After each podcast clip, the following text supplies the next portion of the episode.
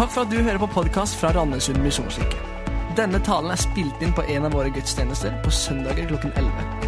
Vi håper det du hører kan være til oppmuntring i hverdagen, og du er hjertelig velkommen til å ta del i vår menighet. Gå inn på mkirken.no eller Randesund misjonskirke på Facebook for mer info. Herren er min hyrde, jeg mangler ingenting. Han lar meg ligge i grønne enger. Han leder meg til vann, der jeg finner hvile. Han gir meg nytt liv. Han fører meg på rettferdighetsstier for sitt navns skyld. Om jeg enn skulle vandre i dødsskyggens dal, frykter jeg ikke for noe vondt. For du er med meg. Din kjepp og din stav, de trøster meg. Du dekker bord for meg, like foran øynene på mine fiender. Du salver mitt hode med olje. Mitt beger renner over. Bare godhet og miskunn skal følge meg alle mine dager, og jeg skal bo i Herrens hus gjennom alle tider. Amen. Takk skal du ha. Vi er inne i en serie som heter Time Out, som er Vi kommer til å være i Salme 23 en stund framover. Og det var vår ungdomspastor Marius som starta sist gang. Og så Midt inni den talen der så sa han at en gang så var det noen som hadde fått et sånn profetisk budskap. Og det var at, For dette handler om sauer. Så sa han jeg har fått et bilde, og det er feig sau. En feig sau. Det var bare at han har litt sånn dysletiske problem og artikulasjonsproblem. Så jeg satt der nede og tenkte på den feile sauen han var. Helt feil. Det er feil sau. Du er en feil sau. Kom på kontoret. Mats, som også er ungdomsarbeider, han hadde et helt annet budskap han hadde hørt. For han hadde hørt feit sau. Så eh, kan, eh, Denne uka så har vi satt logopeder på eh, han. Og vi andre har fått øreapparat, så det blir veldig bra. Så om du føler deg som en feig, feit eller feil sau, så er du hjertelig, hjertelig velkommen her i dag. Vi skal litt videre i serien, og det vi skal snakke om i dag, det er der jeg finner hvile. Vi lever i en kaotisk hverdag. Og, det begynner jo sånn Herren er min hyrde, jeg mangler ingenting. Han lar meg ligge i grønne enger, og han fører meg til vann der jeg finner hvile og gir meg ny kraft. Høres deilig ut. Så skal du bare få en helt vanlig onsdag fra mitt liv. Det der Han lar meg ligge i grønne enger og finner hvile sånn. Så Om morgenen så står jeg opp. Katrine er allerede oppe. Hun steller seg sjøl, lager matpakke til ungene. Jeg står opp, får kledd på et par av ungene, setter meg ned og spiser med dem. En nabounge kommer alltid innom hver onsdag, ringer på ca. kvart over syv. Han skal inn til oss. Så, eh, så, skal jeg følge han og en annen seksåring, som er min sønn, opp til en plass der de møter noen andre. Så må vi se at de går i riktig retning og treffer skolen til slutt. Når de har gjort det, så kan jeg sette meg i bilen, komme til kontoret og ha en deilig dag på kontoret. Ca. klokka tre så begynner stress å tilta. Jeg har en kamerat som han jobber offshore. Han jobber to uker ute, og så har han fire uker hjemme. Han søkte om han kunne få gjøre det motsatt, for det var så stress å være hjemme. Mitt stress er ikke på kontoret, men det er klokka tre. Og du får noen navn. Hanne er min datter, Simen er min første sønn, og Sondre er den andre. Så jeg ringer hjem til Hanne klokka tre for å sjekke at hun har fått seg noe mat. For at hun skal på turn klokka fire og må ta bussen. Hun sier at eh, Vipsen ikke funker, for nå må hun ha kort til dette og gå inn med bankkode sånn. Det har hun ikke fått, hun er 15 år. Så hun sier vi er nødt til å gå ned i banken i dag. Og jeg sier -hmm, når skal vi få dette til? Jeg kjører hjem senest kvart på fire, for da må jeg hente Sondre hos en nabo. Ta han hjem, begynner på middagen, sånn at vi rekker middag før guttene skal på fotballtrening. Katrine kommer hjem, så jeg henter avisa til henne, fikser en kaffekopp, hun kan sette seg mens vi Nei, det var feil. Det var feil i manus. Katrine kommer hjem, så spiser vi. Og så etter vi spiser, får jeg 10 000 instrukser av Katrine om hva jeg skal gjøre, hva jeg skal kjøpe, hva jeg har glemt, og sjef for det andre. Og jeg noterer ingenting, så jeg kommer til å få kjeft for det i morgen òg. Klokken 17.00 får fotballtøyet på begge guttene. 17.15 så reiser jeg ut med guttene på fotballtrening, hver på sin plass. Jeg står og ser på Sondre, for han er seks år, og seksåringer trenger trøst hvis ballen faktisk kommer til beina deres, og det gjør veldig vondt. 18.30 så kjører jeg Sondre hjem. 18.40 så snur jeg for å hente Simen. For Sondre han blir alltid bilsyk, så han må kjøre kortest mulig vei, så derfor kjører jeg mye lenger. 19.00 så kjører jeg Simen hjem. 19.10 så snur jeg for å hente Hanna på turnen, for hun skal til Misjonskirka på Jim. Og 1930 så er jeg på Misjonskirka. Kvalitetssikrer noen av de eh, vaflene som de har lagd ærene. Spiser fire-fem stykk bare for å se at alle vaffeljern holder samme kvalitet. Kjører hjem for å slappe av. Det vil si til 2030. Da må jeg inn i bilen igjen, kjøre for å hente Hanne her fra kirka. Kommer hjem, der får jeg beskjed om at Simen og to kamerater de er på Tvins i Justnes misjonskirke. Og jeg får bare snu og hente de klokka ni, så det gjør jeg. Klokka ni Eh, klokka sånn ti på halv ti så er jeg hjemme igjen. Levert alle ungene, og vi er der. Og vi har en sånn utrolig fantastisk eh, kveld og kjenner Herren er min hyrde. Jeg mangler ingenting. Han lar meg ligge i grønne enger der jeg finner hvile. Noen sier at eh, åra med barn i hus går fort. Jeg aner ikke noe om det. Det går i hvert fall fort hele kvelden. Det er det jeg aner.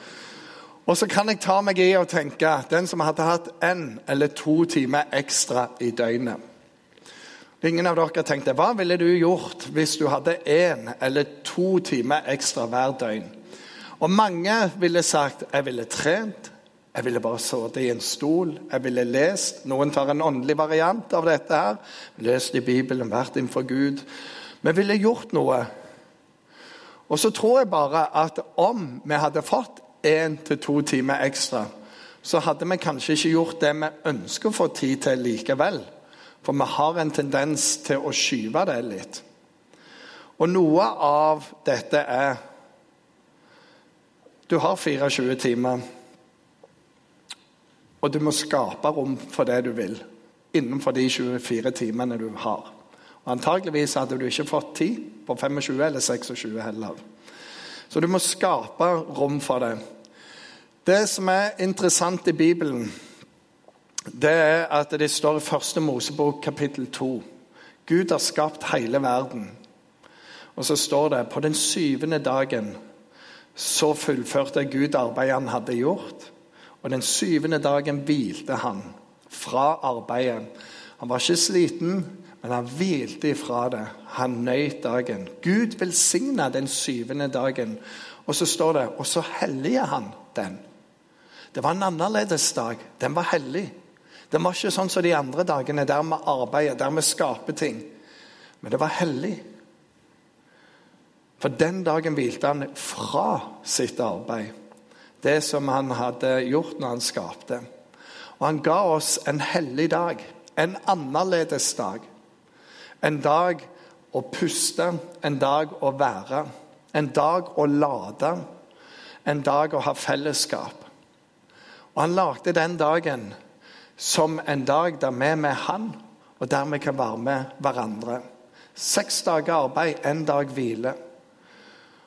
Og noe av det med den dagen er å finne kraft til de andre. Det er å plugge inn. Det er som når du kjører med bil rundt, så må du innom enten en ladestasjon eller en bensinstasjon. Så må du fylle på, for du skal videre etterpå. Så han lyste den hellig, og han ga den til oss. Og den hvilen der mente han at vi skulle ha. Og det er der han sier at 'du leder meg til vann der jeg finner hvile'. Det er noe annerledes. I Bibelen så er det to damer som er veldig berømte. Det heter Martha Maria. Og det står sånn som dette her. Da de drog videre kom han til en landsby der en kvinne som het Martha, tok imot han i huset. Hun hadde en søster som het Maria. Og Maria satte seg ned med Herrens føtter og lyttet til hans ord. Men Martha var travelt opptatt med alt som skulle stelles i stand.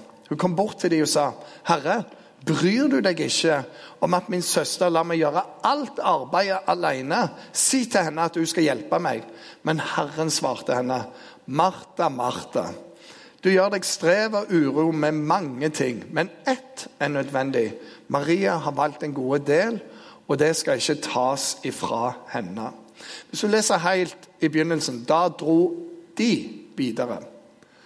Så det var Jesus og var en hel gjeng, og nå kommer de inn i et hus. Og det er rimelig bra, antageligvis i hvert fall tolv stykk. Det betyr du må rigge litt, du må vaske litt, du må lage mat til tolv sultne mannfolk. Og det er mye å gjøre. Og det er riktig å gjøre det. Jesus han sier ikke at det er uviktig. Faktisk så er det å gi folk mat så viktig at en gang så var Peter, altså kompisen til Jesus, hans svigermor var syk. Jesus helbredet henne, og så straks sto opp og lagde mat til dem. Så viktig kan det være for Jesus at uh, vi faktisk får mat. Så det er ikke det han taler imot. Men det er noe som er enda viktigere enn å gjøre alt. Og det har tid. Bare sitte med Jesus. Vær hos han. Det fins en rekkefølge av ting. Og noe av dette det sørger for at vi kommer i en posisjon så vi jevnlig kan høre Jesus tale til oss. Kan høre hans stemme. For hans perspektiv. At vårt hjerteslag kommer i takt med Guds hjerteslag. At våre tanker smittes av hans tanker. Noe der. For det gir styrke til hverdagen. Det gir fokus. Skal vi se, Disse her har Vi skal her til. Thomas Sjødin han sier dette. Framfor alt så rekker vi ikke å tenke på hvem vi skal være. I en kultur der det er en fjær i hatten og har så mye å gjøre, der fullbooka et, et statusmarkør og stillhet er blitt synonym med dovenhet. I en slik kultur blir hvile snart ikke mer enn latskap. Kanskje det er derfor vi unnskylder oss, forsvarer oss mot den og kvier oss for å oppsøke den. Akkurat her så er det godt å bo på Sørlandet. For de beskylder oss for å være litt late. Fordi vi ønsker å ha en rytme i livet. Vi har folk som kommer fra Oslo som sier å det er så deilig. Her kan jeg faktisk tenke. Her kan jeg leve. Men det er viktig for oss at vi ikke jager fullbooka som en status, men at vi finner balanse med å leve, med å puste.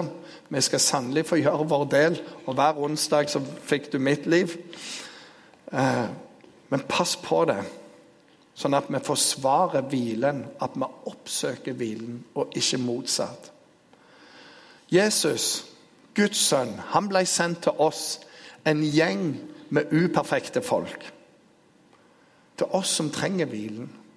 Jeg trenger den hvilen, og du trenger den. Og i den hvilen så lærer vi å høre hans stemme. En stemme som er annerledes. En stemme som sier 'Jeg elsker deg'. Jeg elsker deg. Du må ikke forbedre deg for at jeg skal være glad i deg. Du har min tilgivelse. Min nåde er en ny hver dag. Kom igjen. En stemme du trenger å høre, og det er en sann stemme. Og så får vi være der. Og så er det noe med de du er mye sammen med. Det står et uttrykk om at en eh, eh, smitter av på hverandre. Jern sliper jern. Et menneske slipes mot et annet. Og når du er i Guds nærhet, så er det noe av Han som slipes inn på oss òg. Og det gir noe utrolig bra til livet vårt. Det står dette i Efeserbrevet. Pass derfor nøye på hvordan dere lever. Ikke som ukloke mennesker, men som kloke, så dere bruker så kommer det, den dyrebare tiden godt. Tida vår er dyrebar, og den er begrenset. Bruk den godt, for dagene er onde. Vær ikke uforstandige, men forstå hva som er Herrens vilje. Og Du kan ikke forstå Herrens vilje uten å bruke tid sammen med Han. Da kan du gjette. Men når du er sammen med han, så vil du se mer og mer, og det blir en del av deg. Når du leser Guds ord, når du er i bønn, når du går på møte, når du er med i smågrupper, når du er vant med å leve med en åpen bok sånn som det, så vil du fort se ja, men dette er bra, det er ikke bra. For du lærer hva som er Herrens vilje. Det skjer veldig, veldig naturlig. Og så er det sånn, Vi trenger det, men Jesus han trengte det òg når han var her. Jeg skal få noen bibelvers på det òg. Det står det tidlig neste morgen, mens det ennå var mørkt Jesus var A-menneske, kanskje. Sto Jesus opp, gikk ut og dro til et øde sted og ba der. På den tiden gikk han en gang opp i fjellet for å be, og hele natten var han i bønn til Gud. Og så etter han har gjort det, Da det ble i dag, kalte han til seg disiplene, altså vennene sine, og så valgte han ut tolv etter han hadde vært i bønn. Heil natt. Så står det i et annet vers her På den tiden gikk han en gang opp i fjellet for å be. Ja, det var vel den. Beklager. Da hopper vi videre. Så står det straks etter fikk han disiplene til å gå i båten og dra i forveien over til de andre siden, mens han selv sendte folk av sted. Da han hadde gjort det, gikk han opp i fjellet for å være for seg sjøl og be. Og Vi ser dette mønsteret gjennom hele Jesu liv. Han var alene i bønn. Og På et tidspunkt så har disiplene sett så mye av det at de sier Herre, du må lære oss å be. Og så får du et kjempekapittel om hvordan vi kan be. Og helt til det siste, før lidelsen og døden, så går han for å be og sier, 'Kan dere be for meg og be med meg?' Og han ba lenge. Jesus trengte denne nærheten. Og han sier, 'Jeg sier ingenting uten at jeg har hørt min far si det.' 'Og gjør ingenting uten at jeg har sett han gjøre det.' Da må du ha nærhet. Da må du være der. Og det er jo sånn Når du går i lære hos noen, veldig praktisk arbeid, så sier de ofte 'Se hvordan jeg gjør det', og så kan du gjøre det etterpå. Og Det er det Jesus sier. Jeg er, og jeg ser hos Gud Fader, og så gjør jeg det. Jeg hører hva han sier, og så smitter det over, og så sier jeg til dere. Og Paulus han sier det. Det jeg har fått, det må du Timoteus, gi videre, for jeg har gitt det til deg, og du må gi det videre. Det smitter, og det smitter, og det smitter. Det starter med å ha tid sammen med Gud. Jesus måtte ha det, du og meg må ha det. Han lyste dagen hellig. Og hvilen er der for oss. Har ikke det på skjerm, men det er en utrolig historie som står i første kongebok, kapittel 18 og 19. Den profet som heter Elia. Så han tror han er den eneste av Guds folk igjen og så er det masse andre profeter for noen andre guder. Han kommer opp på et fjell med dem. Det har ikke regnet på tre og et halvt år pga. at Elia har sagt det skal ikke regne mer før jeg sier det. Og det slutta å regne. Og det ble hungersnød. Alt tørker ut. Og så er de oppå på det fjellet, og så sier han Nå skal vi se hvem som er Gud. Om det er alle dere, dere er jo nesten 1000 stykk, og så er det meg én så kan dere få forsprang først. Det Vi gjør, vi bygger et alter, vi legger et offerkjøtt oppå, men vi tenner ikke på. Fordi den som er Gud, han kan bare la flammen komme fra himmelen ned og fortære alt i sammen. Og Det syns de var en god idé. Så siden dere er flest, kan dere begynne. Og de begynner å be. Og de ber. Og de begynner å piske seg og rundt omkring. Og etter hvert så er det av og til lettere å være alene enn å være en gjeng. For da kan du bare gjøre akkurat hva du vil. Så han begynner jo å mobbe de tusen der. Det er ganske bra. Dere må rope litt høyere. Kanskje guden deres ikke hører. Og de roper høyere. Kanskje han er på do. Masse sånn sier han. Altså Blasfemi de luxe. Og de er der lenge, og ingenting skjer. Så sier han bli med over til meg når folk er Vom, så alle med over. Og tenker deg, Det har ikke regnet på tre og et halvt år. Det er gått opp på et fjell. Det er rimelig tørt og varmt. Han legger opp, så sier han Hell alt vannet dere har, over. Vann var dyrt, og det var lite. Og de heller alt vann over. Det er tusenvis av folk der. Det bader i vann rundt. Og så ber han en enkel bønn. Og så står det, så kommer det bare en flamme fra himmelen vroom, og fortærer kjøttet og vannet og alt. er bare wow. Og så skjer det masse etterpå. Dronninga hun blir så rasende til slutt at du sier han Elia han skal bli drept. Der står han og har gjort det største underet noensinne. bare sånn, wow! Men når hun sier de ordene, så blir han livredd. Løper fra fjellet. legger seg under en busk og sier 'jeg vil dø'. Han legger seg ned for å dø. Han har bare gitt opp alt. En engel kommer til han, og så sier engelen 'Hallo, Elia. Du må stå opp og spise, for ellers så blir veien for lang å gå for deg.' Og så ser han mat. En engel har brakt mat. Han spiser og legger seg ned igjen for å dø. Og engelen går bort en gang til. Elia, må spise mer. Jeg har mer mat til deg. Må stå opp og spise, ellers blir veien for lang å gå. Og Han står opp igjen, spiser, tar til seg av den næringen Gud har med til han. Og styrke av det så går han langt til et annet fjell og gjennom en lang prosess for å møte Gud på en sånn mektig måte. For det er møtet med Gud som forvandler oss til det beste. En møte med en sint dronning får ikke fram det beste i deg. Men det, hemmeligheten ligger i midten her. Stå opp og spis, ellers så blir veien for lang å gå for deg. Jeg trenger det, og du trenger det. Vi trenger å få denne maten som Gud har, til oss. Ta til oss av det, sånn at vi kan gå videre. Vi hviler hos Gud, i Guds nærhet. Vi henter krefter der. Og Så er det en annen ting som skjer når vi er i denne nærheten. Og Den er ikke like hyggelig, men det er at Gud beskjærer oss. Du vet, planter En god del av frukttrær og sånne ting, så må du gå gjennom, så ser du der den vokser litt feil. Den må vi kutte av for at treet skal kunne bære mer frukt. For at ting skal gro den rette veien. Og du må ta vekk ting. Og så gjør det litt vondt av og til. Men så vet du, på grunn av det så kan du bære mer frukt. Guds vilje for deg at du skal bære så mye frukt som du kan. Men for at du skal nå potensialet i livet ditt, så kommer de periodene der Gud sier det der må vekk for at du skal kunne bære mer. Og så er det en smerte i det.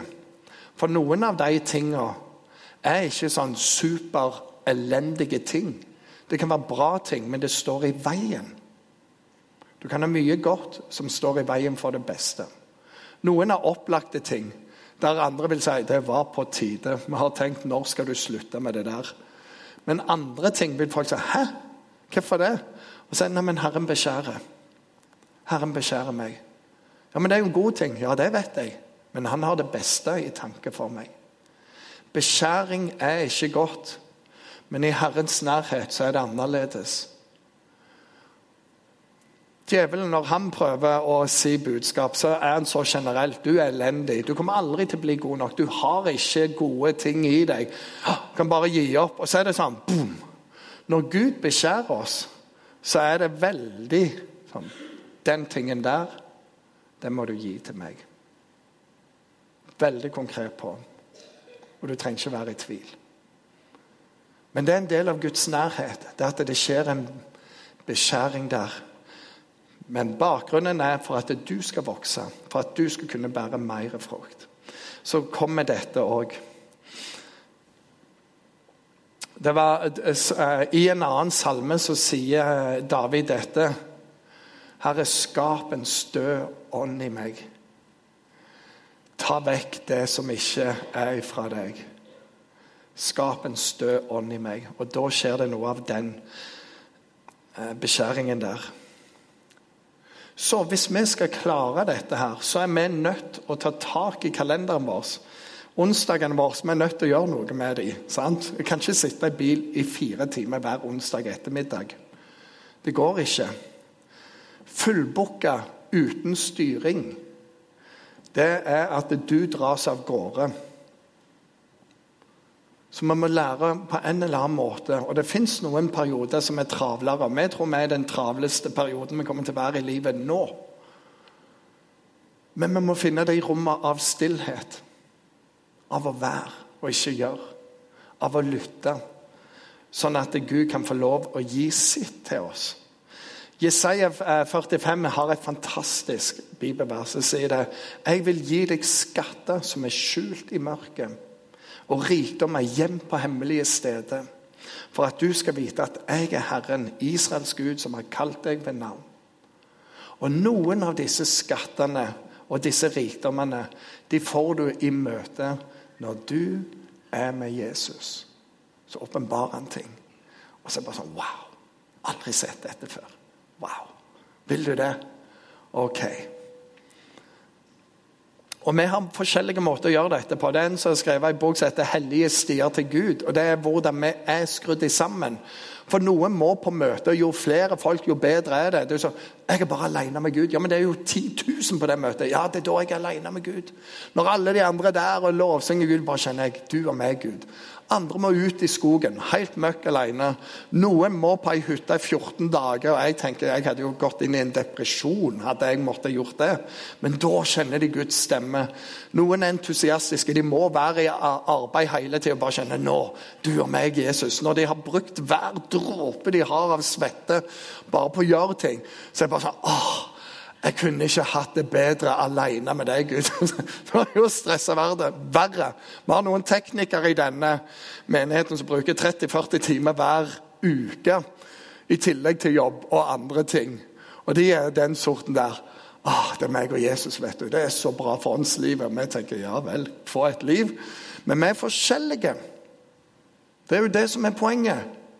Men du trenger å være med Jesus, så du kan høre hans stemme. Så du får kraften. Eh, David han har mange bilder på det gjennom hele salmene. Han sier flere plasser En dag i dine tempelgårder er bedre enn tusen dager ellers. Fordi der får jeg påfyll. Der får jeg gå ned fra min trone og stige fram for Han som er på tronenes trone. Der får Han taler. Derfor jeg henter. Og Han skriver i en salme dette like som en hjort stunder etter bekker med rennende vann. Sånn stunder min sjel etter deg, min Gud. Hvis du har vært på noen av de turene Jeg hadde en sånn tur med en kompis. Vi gikk over fjellene fra Sandnes til Hummersåk. Da er du nærme himmelen. Opp til 400 meter høyt. Men vi gikk en hel dag uten vann. Og når vi kom inn til Hummersåk, så var det bare vi må finne ei vannkran. Vi drakk mange liter, aldri drukket så mye. Og det er bare gi oss vann. Og det er som en hjort stunder etter vann. Sånn stunder jeg etter deg, Herre. Han hadde dette perspektivet gjennom hele livet. David hadde det travelt. Han var konge, han var på flukt, han bygde. Han hadde utrolig mye. Han hadde en rimelig kalender, men dette var viktig for ham. For dette var balansen i livet. Er du fullbooka uten styring? Eller har du fått sagt ja til de viktigste tingene, sånn at du styrer dagen, og du kan si, sånn som han sier her, 'Herren er min hyrde. Jeg mangler ingenting.' Han lar meg ligge i grønne enger. Der får du ligge hver gang innenfor hans åsyn. Han fører meg til vann. Jeg får drikke, jeg finner hvile. Og han gir meg på ny sin kraft. Så går det an å lese sånn at jeg bare sitter her, og så gjør han alt. Men han har sagt veiene til hvordan du kan. La han få lov å lede deg. For en sau følger etter hyrden. Lærer å høre hyrdens stemme. Han har sagt, 'Kom til meg. Kom til meg. Ta opp din bibel.' Engasjer deg. Og så skjer disse tingene. Midt i hverdagen, midt i kaoset. Og så helliger han den ene dagen.